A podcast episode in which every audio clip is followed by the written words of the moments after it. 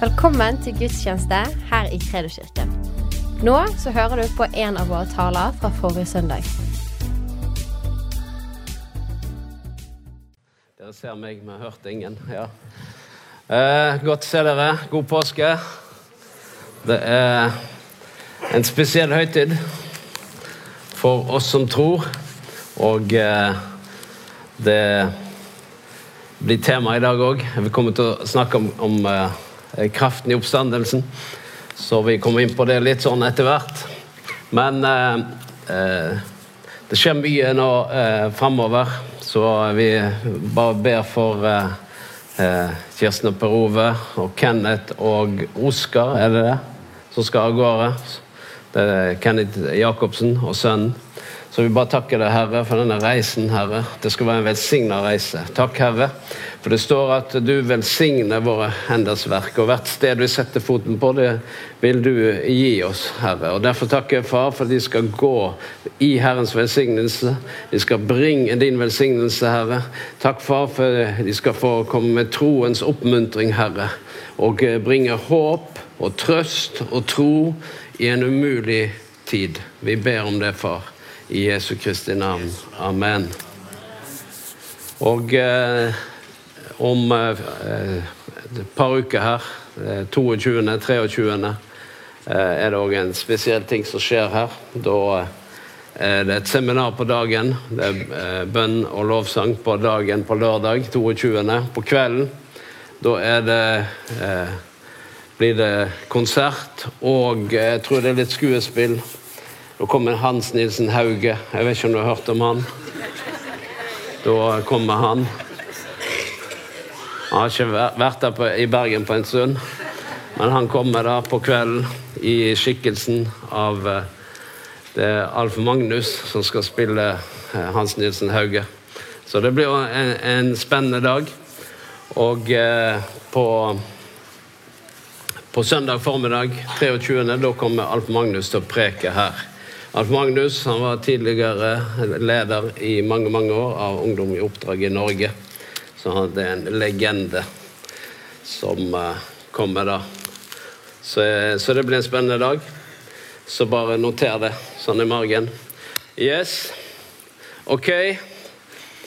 Per Ove han er gift med en sykepleier, skjønte jeg. Han begynte å snakke om 133 Så jeg kan bare opplyse om det at jeg er på jobb i dag, men jeg får ikke 133% Tillegg. Jeg får bare tillegg. Nei, det er en velsignelse å kunne preke Guds ord. Det er verdt mye mer enn 133% det kan jeg bare si deg. Det er Jeg trodde jeg hadde noen briller òg. Jeg tror jeg trenger de. Jeg kommet til den alderen på I høyre eller venstre lomme ligger det noen briller. Hvis ikke så er det sikkert noen som kan låne. Så de begynner, jeg ser folk i 50-årsalderen driver og vifter med brillene. Så det er jo fint. Tenk, som Per Ove sa, de kommer der på morgenen og finner graven tom. Hvilket sjokk. Og den første tanken som slår dem, er ikke at Jesus er stått opp, men hvem har tatt vår Herre bort?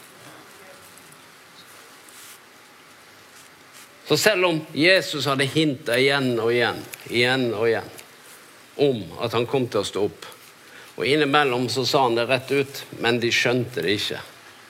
Så når de kom der og fant graven tom, så var det ikke en tanke om at han var oppstått, men at noen hadde stjålet vår Herre. De har tatt ham bort. Men så sto han der selv.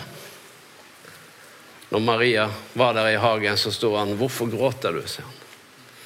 Og Plutselig så gikk det opp for Maria at det er min mester som står her foran meg. Som hun trodde var død. Og jeg tror vi hadde vært i samme situasjon. Vi hadde ikke forstått hva som skjedde. Men fordi vi kjenner hele historien, så vet vi hva som skjedde. Men eh, Jesus han sto opp igjen, og det siste han sa før han døde, før han sto opp, var at det er fullbrakt, det er fullført. Så Jesus fullførte det han kom for. Han fullførte sin gjerning. Han døde på korset og tok vårt sted Og så sa han det er fullført. Oppdraget er fullført, det er fullbrakt, det jeg kom for. Så påsken det handler om Jesu død og oppstandelse. Det handler ikke bare om Jesu død. Noen ganger så tenker vi at det handler om, om døden på korset. Men om Jesus ikke sto opp, så hadde korset ingen mening. Og Derfor så er det slik at det slutter ikke med at Jesus døde på korset. Det fortsatte med at han sto opp igjen på den tredje dagen, som er dagen vi markerer i dag. Det handler om frifinnelse og rettferdighet. Det handler om en ny og bedre pakt. At Jesus renser oss fra synden. Det står at han tok synden bort. Det er ganske radikalt.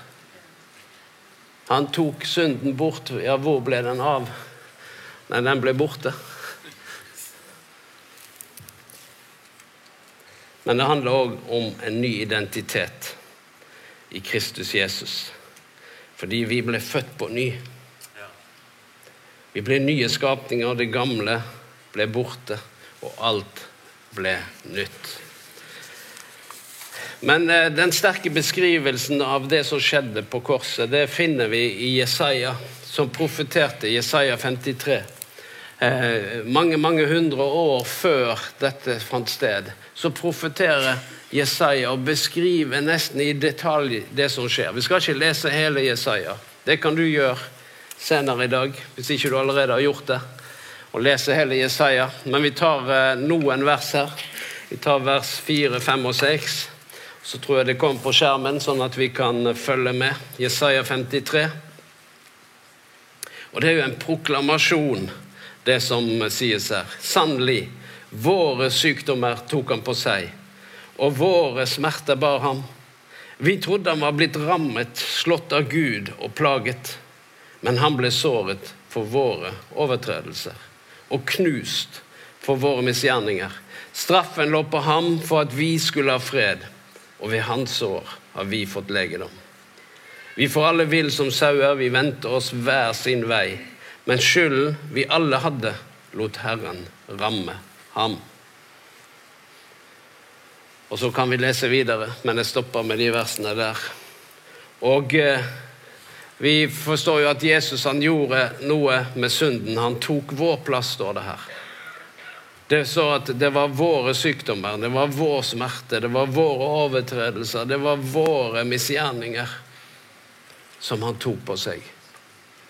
Han hadde ikke gjort noe galt, han var uten synd. Men likevel tok han synden bort.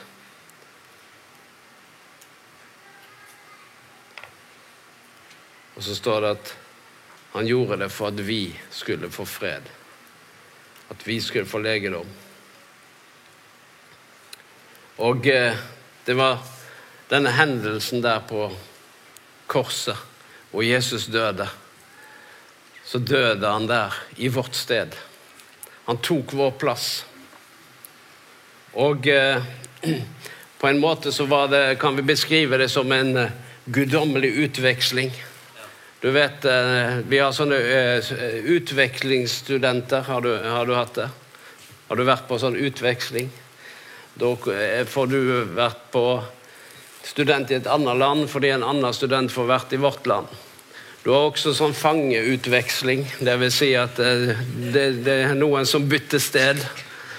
Men det skjedde en sånn utveksling her på eh, langfredag. Det var en som heter Barabas, han var, han, eh, og det er selve symbolet på denne eh, beskrivelsen på denne utvekslingen som fant sted. Fordi der er det eh, Pilatus han stiller fram to stykker foran dem. Fordi de kunne velge hvem vil dere sette fri i dag. Jesus, som var den syndfrie, den rettferdige, den rene, han sto der. Og ved siden av han så stilte han opp en som heter Barabas. Han var en kjeltring, en synder, en opprører.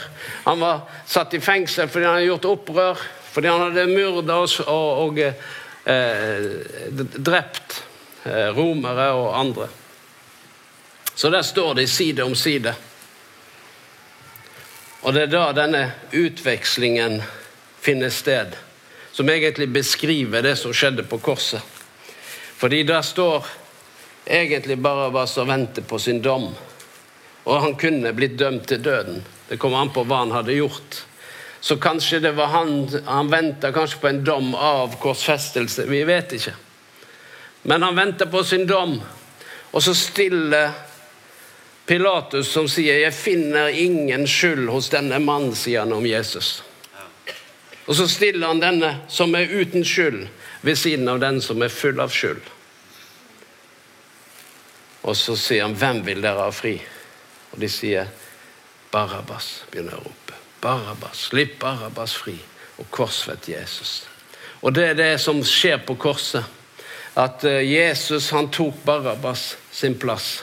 Og Barabbas, som hadde fortjent døden, han gikk fri. Han som hadde fortjent det pga. synden, han gikk fri. Så det er en sånn eh, veld, eh, veldig sterk beskrivelse i denne utvekslingen som skjer der i, like før korset. Og det er det som skjedde på korset. Fordi at Jesus han gikk der, og så var det vår skyld og vår synd, som det står her. Han tok på seg våre smerter, våre overtredelser, våre misgjerninger. Alt det tok han på seg. Vi vet det. Vi har hørt det før. Men noen ganger så går vi der likevel og bærer på denne skylden, bærer på denne skammen. Likevel så går vi der og bærer på det og kjenner på det.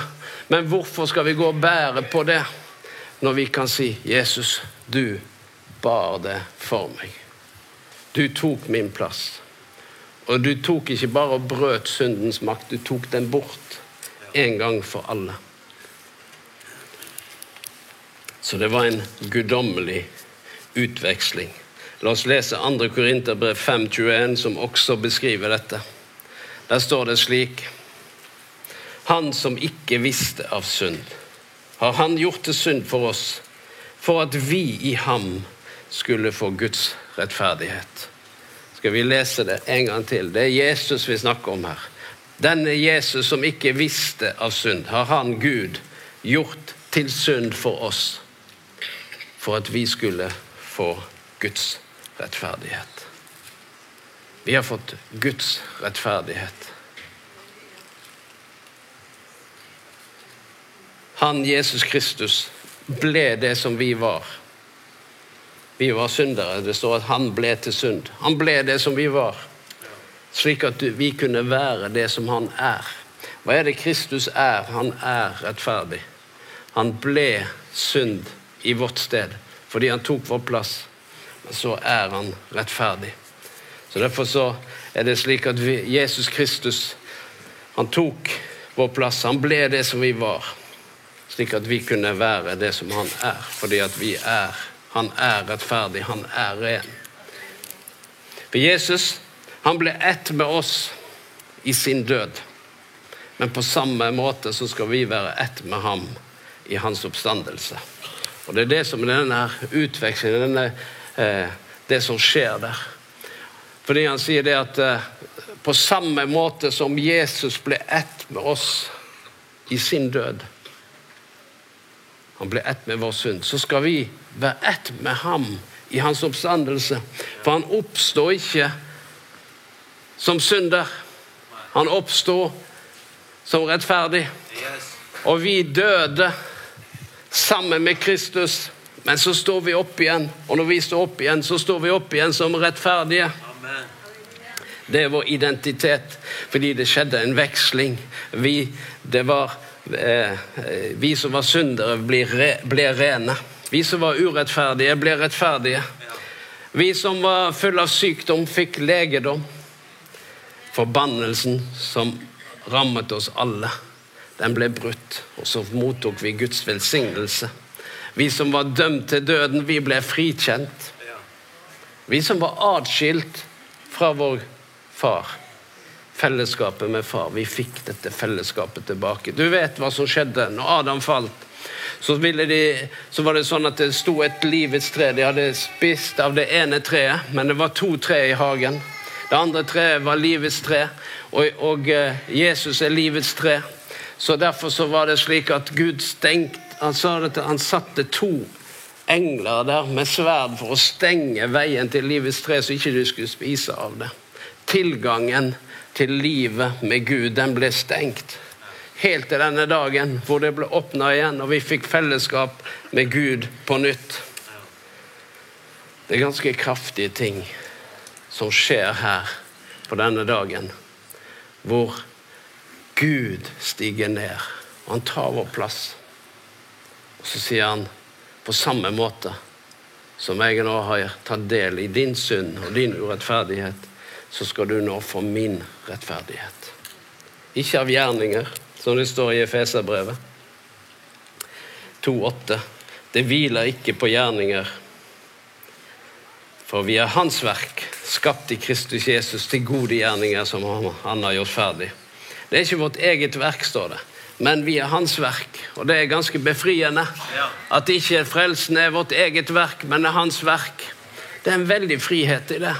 Fordi at noen ganger så tenker vi det at vi, eh, vi eh, eh, Når ikke det er fullkomne, når ikke det, vi er fullkomne i det vi holder på med, så tenker vi at ja, men holder frelsen? Ja, den holder. Fordi det er ikke vårt verk. Det var ikke vi som døde, det var Kristus som døde. Og derfor så blir det stående det som han gjorde. Uansett hva som skjer med våre liv, så blir det stående, det som han gjorde. Ingenting kan endre på det som har skjedd. For Jesus døde, og det står han døde én gang for alle. Og han står opp igjen én gang for alle. Det betyr at han dør ikke mer. Han står ikke opp mer fordi han lever. Så ingenting i våre liv kan endre på det Jesus gjorde. Det kan ikke endre på frelsen så har vi tatt imot ham, så har vi tatt imot rettferdighetens gave, står det. I andre Korinterbrev så det, står det eh, i kapittel 5, kan du finne om. Andre Korinterbrev 5, vers 17. Fordi når Jesus står opp, og når vi tar imot Jesus Kristus, så står det at vi blir nye skapninger i Kristus. Og eh, skal vi lese der vers 17? Nei, den som er i Kristus, er en ny skapning. Det gamle er borte, og alt er blitt nytt. Jeg vet ikke om det står der det nye er blitt til. Jeg liker bedre den der at alt er blitt nytt. Fordi at hvis noe nytt er blitt til, det, den er litt svak. Jeg liker bedre at alt er blitt nytt. Det er mye enklere å si at ja, men alt er blitt nytt, eller noe er blitt til. Nei, så det, Men eh, så vi bruker den oversettelsen min. Ok? Det er sånn vi holder på, vi som, bare sånn at vi lurer på. Når ikke vi liker det her, så leter vi febrilsk etter en oversettelse som passer inn i det vi skal preke. Ja, men Det er faktisk litt forskjell på tolkningen av visse vers. Og Noen ganger lurer du på om eh, de har oversatt fra samme språk. Men det er nå så. Men det er det kraftfulle i dette. At det gamle er borte, og alt er blitt nytt. Så står det at vi er blitt nye skapninger. Vi er blitt nye mennesker. Og eh, det er jo slik at uh, Det er ikke sånn at vårt gamle menneske sant? Vi har en, det gamle mennesket og det nye mennesket. Det er en egen undervisning. Vi kommer ikke til å ta så mye på det. Men uh, vi har et nytt menneske, for vi er nye skapninger. Vi er født på ny.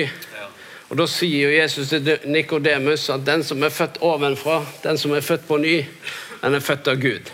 Så når vi tar imot Jesus, så er vi født av Gud. Men så er det jo sånn da, at det er ikke slik som når du, går, når du har en gammel dress. Hvis du har en gammel dress, og så tar du denne dressen og så leverer du den inn på rens. Og så henger den der i noen uker, og så går du og henter den, og da ser dressen ut som ny. Det er noen som tror at det er sånn det handler om. For de sier det at 'jeg er blitt renset i Jesu blod'. Ok, hvis du er blitt renset i Jesu blod, er det slik da at du leverte deg selv inn til rens, og etter 14 dager så var du klar, fordi da var du renset i Jesu blod? For det, Noen ganger tenker jeg at, at Jesus driver og renser på dette gamle. Prøver å fikse på dette gamle. Og så tenker en at å ja, vi, vi må bare inn til rens. Og da er det mange De er stadig inntil rens. Men hvis du er ren Det er det som er spørsmålet. Er du ren? Trenger du da å gå inn til rens? Jeg vet ikke hvordan det er når du er ferdig dusja om morgenen, og så er du akkurat klar til å gå ut døra, og så tenker du at jeg, tar, jeg må ha en dusj. Du tenker ikke det. Fordi da vet du at ja, men jeg er jo helt ren. Jeg har jo akkurat dusja. Selv om kona sier at uh, det lukter et eller annet. Så tenker du nei, det er feil. Det må være den gammelosten du spiste til frokost som lukter. Ikke meg. Men noen ganger så tenker vi sånn at uh, vi må jo renses en gang til. Det står at Jesus, han døde hvor mange ganger? Én gang for alle. Det vil si, hvor mange ganger tar vi imot Jesus Kristus? Én gang. Hvor mange ganger blir du døpt? Én gang. Sånn, sånn, døpt som vi døper. Ja. Det andre det tar ikke vi. Det er òg en annen preken. Én gang. Fordi du blir begravet hvor mange ganger? Og hvorfor blir du begravet? Fordi du er død. Men nå snakker vi om en annen begravelse. Ikke den fysiske begravelsen. Da står vi ikke opp igjen sånn med en gang. Men i dåpens grav så står vi opp igjen fordi at vi står opp igjen til et nytt liv sammen med Kristus. Men noen ganger tenker vi som at vi driver og sender denne gamle kroppen inn til rens, og så blir vi rensa. Nei, vi er rene fordi vi ble erklært rettferdige. Det er kun de rettferdige som er rene. Synderen kan ikke være ren. For enten er du en synder, eller så er du en rettferdig. Det er ikke slik at du kan være begge deler. Ja, men er vi ikke syndere? Ja, men da trenger du å bli frelst. Og det her går litt sånn i surr. Fordi at eh, For vi snakker om identitet. Er du en ny skapning? For vi tenker noen ganger på at vi skal drive og punte på dette gamle. Men vi sender det ikke inn til rens, fordi det står at han tok ut steinhjertet, og så gav han oss et gammelt hjerte som han hadde pynta på. Nei, han gav oss et nytt. Det er det det står. Han gav oss et nytt. Fordi det er et nytt liv. Vi ble født på nytt. Vi ble nye skapninger. La oss se hva Jesus sier om dette i, Matteus 9, vers 16. Du vet, religion den prøver hele tiden å gjøre forbedringer gjennom gjerninger. Det er aldri godt nok. Men det Jesus gjorde, det er godt nok. Det holder. Fordi han sa det er fullbrakt. Han sa ikke det er nesten fullbrakt, nå må dere ordne resten selv. Han sa ikke det. Jeg gjorde det nesten fullbrakt. Men det er sånn noen kristne oppfører seg. Det er det Jesus gjorde. Det holdt nesten, men nå må vi drive og fikse på det ene og det andre. Og så sier Jesus her at ingen setter en lapp av en ukrympet tøy på et gammelt klesplagg. For en slik lapp vil rive med seg et stykke av plagget, og riffen blir verre. Altså det han sier, du prøver ikke å reparere noe gammelt med noe nytt. Det er religion. Religion prøver å forbedre dette gamle, døde mennesket med noe nytt. Men Gud ville det annerledes. Han sier at du heller, heller ikke ny vin i en gammel skinnsekk. Det vil si, du kan ikke helle ny vin i et syndig menneske. Det er bare de rettferdige som kan helle ny vin. Han sier nei, du fyller ny vin i nye skinnsekker. Så derfor ble vi født på ny. Og så helte han denne nye vinen, det nye livet, på innsiden av oss, slik at eh, vi skulle få ta imot dette livet fra han. Fordi den gamle skinnsekken ville ikke holde. Og da snakker vi om dette livet på innsiden. For dette, dette livet på innsiden er jo i denne, denne kroppen, denne dødelige kroppen her. Vi har jo dødelige kropper, men vi snakker om dette nye livet, dette nye hjertet, den nye ånden som bor, hvor Gud bor, og som gjør oss rettferdige for Gud.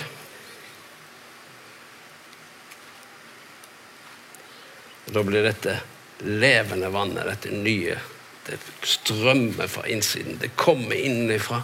Det står at fra deres indre skal det, som Skriften har sagt, strømme levende vannstrømmer. Hvor strømmer det fra? Det kommer fra innsiden. Det kommer fra det nye mennesket. Og Derfor så står det sånn at vi kan oppbygge oss selv på vår høyhellige tro ved å tale i Den hellige ånd, står det i Judas brev. Vi oppbygger oss selv. Hvordan oppbygger vi oss selv? Ved å ta oss sammen? Nei, ved å tale i Den hellige ånd. Vi lar disse vannstrømmene fra innsiden bare strømme ut. Fordi her inne så er det liv. Hvilket liv er det? Det er Guds liv. Vi har fått Guds liv på innsiden fordi han helte sitt liv inn i dette nye livet. Han tok ut steinhjertet så ga han oss et eh, kjøtthjerte, og så fulgte han oss med Guds eget liv, Den hellige ånd, på innsiden. Før korset. Da kan du kalle deg en synder.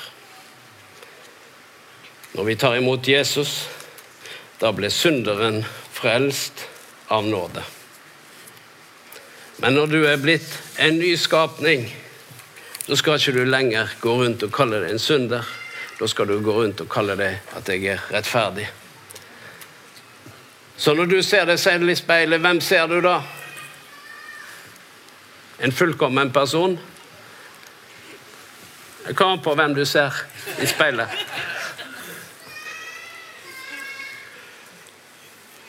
Mister perfekt. Du ser i speilet og tenker 'der er mister perfekt'. Den fullkomne som aldri gjør noe galt. Nei, det er ikke det vi snakker om, at vi aldri gjør noe galt. Men i Kristus Jesus så er vi fullkomne. Så derfor er det når du ser deg selv i speilet, så kommer det an på ser du han som er i Kristus. For hvis du ser han som er i Kristus, så ser du det at det Jesus gjorde, det var fullkomment. Og jeg tok imot rettferdighetens gave. Og så ble jeg erklært rettferdig. Det som er vanskelig, det er å anklage en som er rettferdig. Og Det er en som heter anklageren. Han prøver jo å anklage deg og si at ja, men du er ikke perfekt. Mister perfekt, du er ikke perfekt. Ja, men han som bor i meg, han er fullkommen. Det betyr ikke at alt det vi sier og gjør, er fullkomment. Men det er bare denne anklageren. Han vil si at du er ikke god nok fordi det og det og det. Men da kan du si at jeg er ikke god nok pga. mine gjerninger, men jeg er god nok pga. en annens gjerning. Det var en som tok min plass, og nå har jeg tatt hans plass. Jeg fikk lov til å være med i hans oppstandelse. Fordi døde vi med han, så skal vi også leve med han. Nå skal vi se. Nå skal jeg lese litt her. I dag er det Vi har tid til litt bibellesing, har ikke vi det?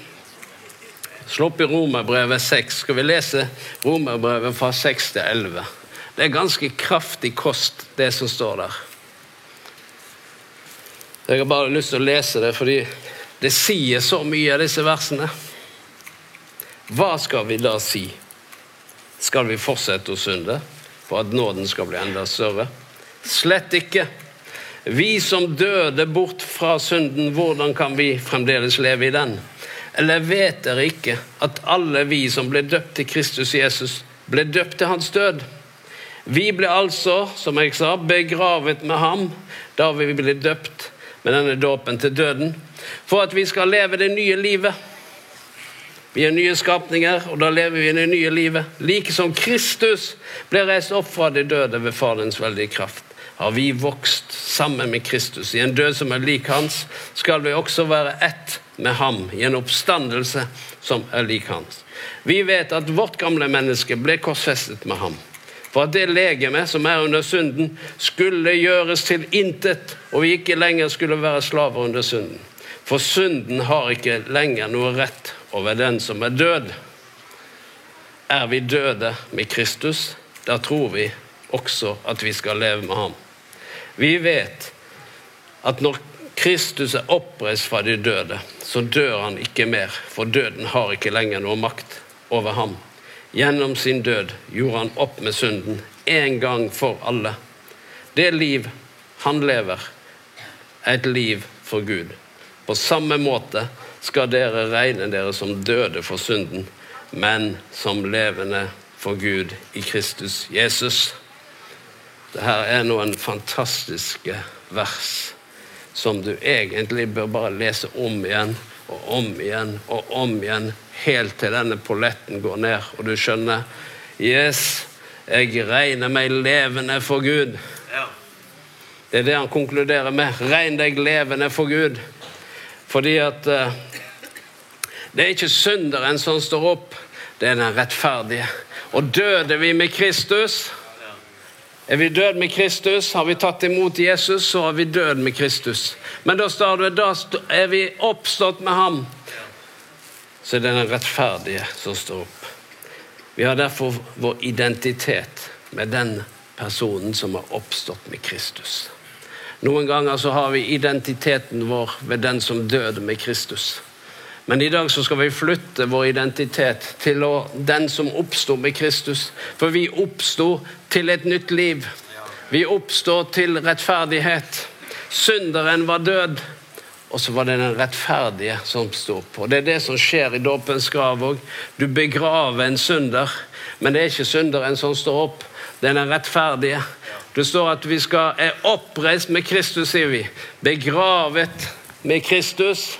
Og så står det 'oppreist med Kristus for å leve det gamle livet sammen med ham'. Nei, det er ikke det vi sier. Vi sier for å leve det nye livet sammen med ham. Dette nye livet, er det det livet på utsiden? Nei, det er livet på innsiden.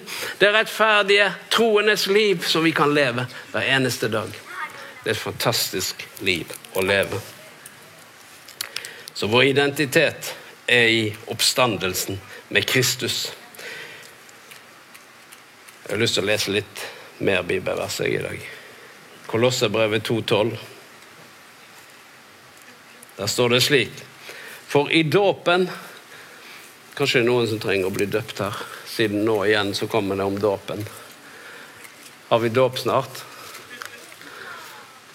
Så hvis ikke, hvis ikke du er døpt, så kan du la deg døpe. Kan du få litt mer undervisning. For i dåpen ble, ble dere begravet sammen med ham og i den ble dere også reist opp med ham, ved troen på den Guds kraft som reiste Kristus opp fra de døde. Dere var døde på grunn av deres synder, uomskårne som dere var med deres onde natur. Men han gjorde dere levende sammen med Kristus. Idet han tilga oss alle våre synder, gjeldsbrevet som gikk imot oss på grunn av lovens bud, strøk han ut og tok det bort ved å nagle det til korset.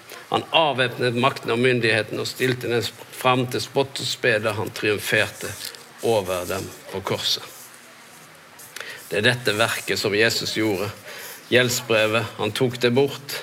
Men det står at eh, hvis vi da ble begravet med han, så er vi reist opp med ham for at vi skal leve i den kraft som reiste Kristus opp fra de døde. I Romerbrevet 8, 10-11 så står det slik.: Men om Kristus bor i dere, er nå kroppen død på grunn av synden, men ånden er levende på grunn av rettferdigheten.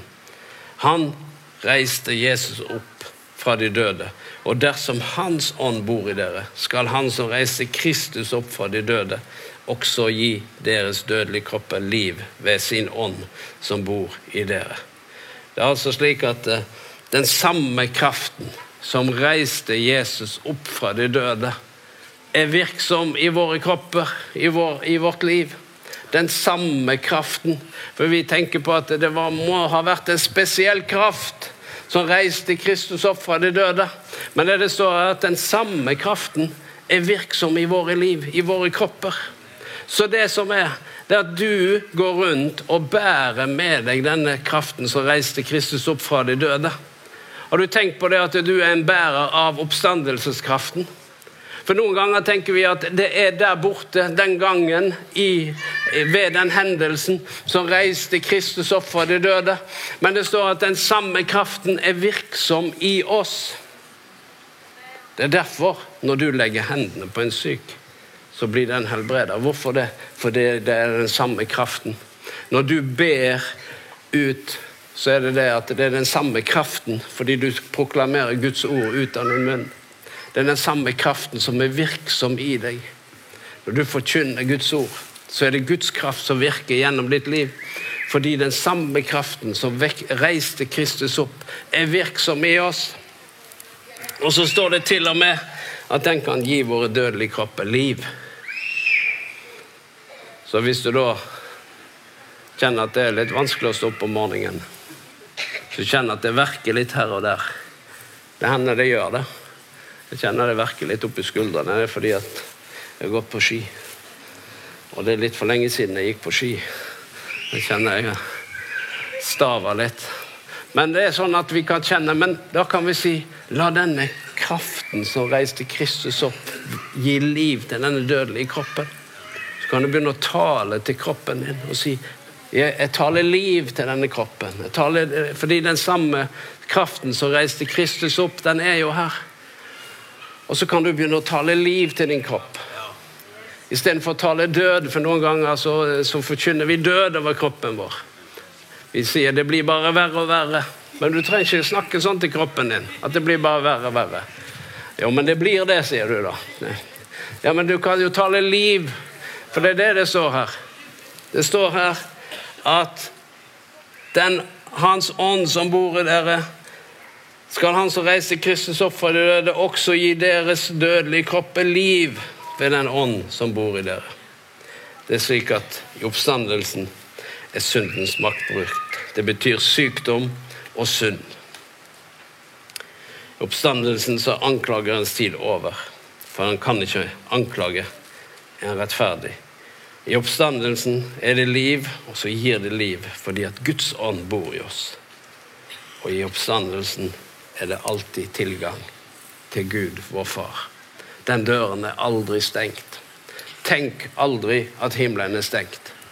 Noen ganger så får en sånn idé om at det er en stengt himmel over oss. Men da kan jeg bare si det, den ideen den kommer fra fienden og ikke fra Gud. Fordi at det, Ifølge Guds ord så står det at han banet en ny og levende vei like inn i himmelen.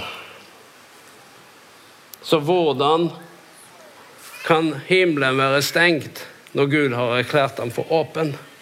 Så Derfor så sier jeg at himmelen er åpen over ditt liv. Ikke, det, det, er sånne forvirrende tanker. Det at å, det er så stengt. Det er en stengt himmel over mitt liv. Nei, det er ikke det. Det er løgn. Det er åpent. Fordi det står ingen plass i her om at ja, men nå har Gud stengt himmelen. Står det det? Hvis du kan finne det. At eh, ja, den var åpen, bare, det var bare et vindu i tiden, så var det åpen. Nei, det står at Kristus har åpnet denne veien. Og Derfor er den åpen, og derfor er det åpent over ditt liv. Du har åpen tilgang, du har alltid tilgang. Det er den oppstandende Kristus har satt i stand for oss. Det er dette livet som vi kan leve. Dette oppstandelseslivet i Kristus. Det nye livet i Kristus. Oppstandelseslivet i Kristus. Det er et fantastisk liv. Det betyr at uansett hvordan jeg har det, så kan jeg si takk, Herre, at du hører meg. Takk, Herre, at du tar imot meg. Vi priser deg, Herre. Skal vi ta og dele nattverden sammen? Skal vi bare reise oss og be? Vi takker deg, Herre, at du, reiser, at du står opp fra de døde. At du dør ikke mer. Dødens makt ble brutt. Syndens makt ble brutt. Vi takker deg, Herre. Du, det ble en åpen himmel, Herre. En åpen himmel over våre liv, over våre hjem. Vi takker deg, Herre. Vi ber himmelske Far at uh, du skal bare hjelpe oss til å se og forstå alt det dyrebare som du har gjort for oss. Slik at vi kan ha vår identitet i den som du har gjort oss til. Vi takker deg, Herre. Vi takker deg, Herre, for din nåde som er så rik og stor. Vi takker deg, Herre, for dette livet. Tusen takk for at du lyttet. Følg oss gjerne på Instagram og Facebook, og så snakkes vi neste uke.